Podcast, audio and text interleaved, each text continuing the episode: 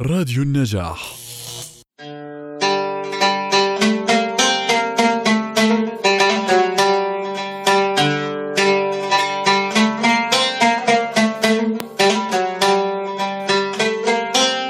تفرد فن العمارة في الأندلس بمميزات أملتها ظروف عديدة.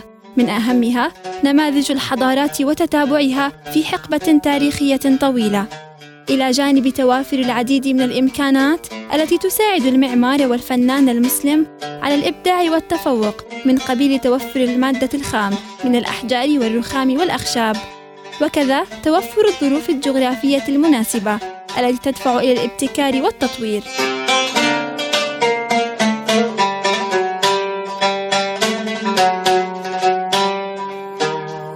كان فن العمارة العربية في الأندلس فنًا أصيلًا، لم يعتمد على أي شكل من أشكال البناء الغربية، فقد كانوا يبالغون ببسط مساحات الجوامع والقصور عند تصميمها، يرافق ذلك ارتفاع وسمك جدرانها، حتى لا يخيل للمشاهد أن هذه الأبنية ليست إلا قلاعًا أو حصونا حربية، واهتموا برفع أسقف المساجد وعمارتها على عقود وأعمدة رخامية جميلة. مع الاهتمام برواق القبلة والبلاطة الوسطى على وجه الخصوص. إلى جانب غرس صحن المسجد بأنواع الأشجار المثمرة والاستفادة منها كظلل للمصلين.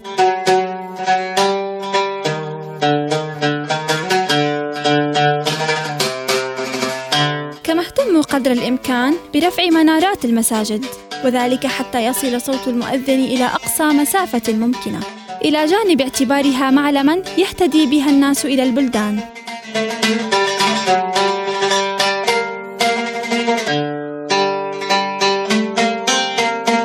تصميم الدور الأندلسية انطلاقًا من فناء مركزي تطل عليه وحدات المنزل السفلية والعلوية، ويحتوي هذا الفناء في وسطه بركة ماء، وعلى جانبها الأزهار والأشجار، بحيث يخدم الفناء كمتنفس للمنزل.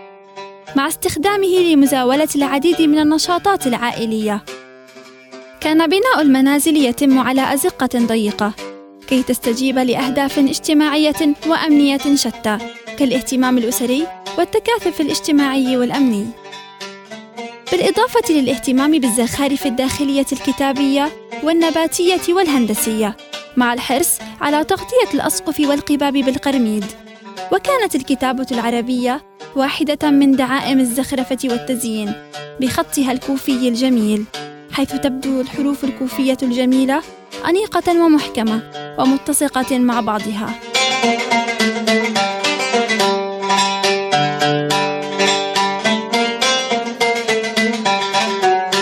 وحرصوا على استخدام المياه كعنصر جمالي إلى جانب استخداماته الوظيفية.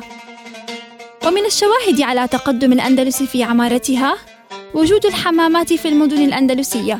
ومثال ذلك وجود أحد عشر حماماً في مدينة باجة وحدها.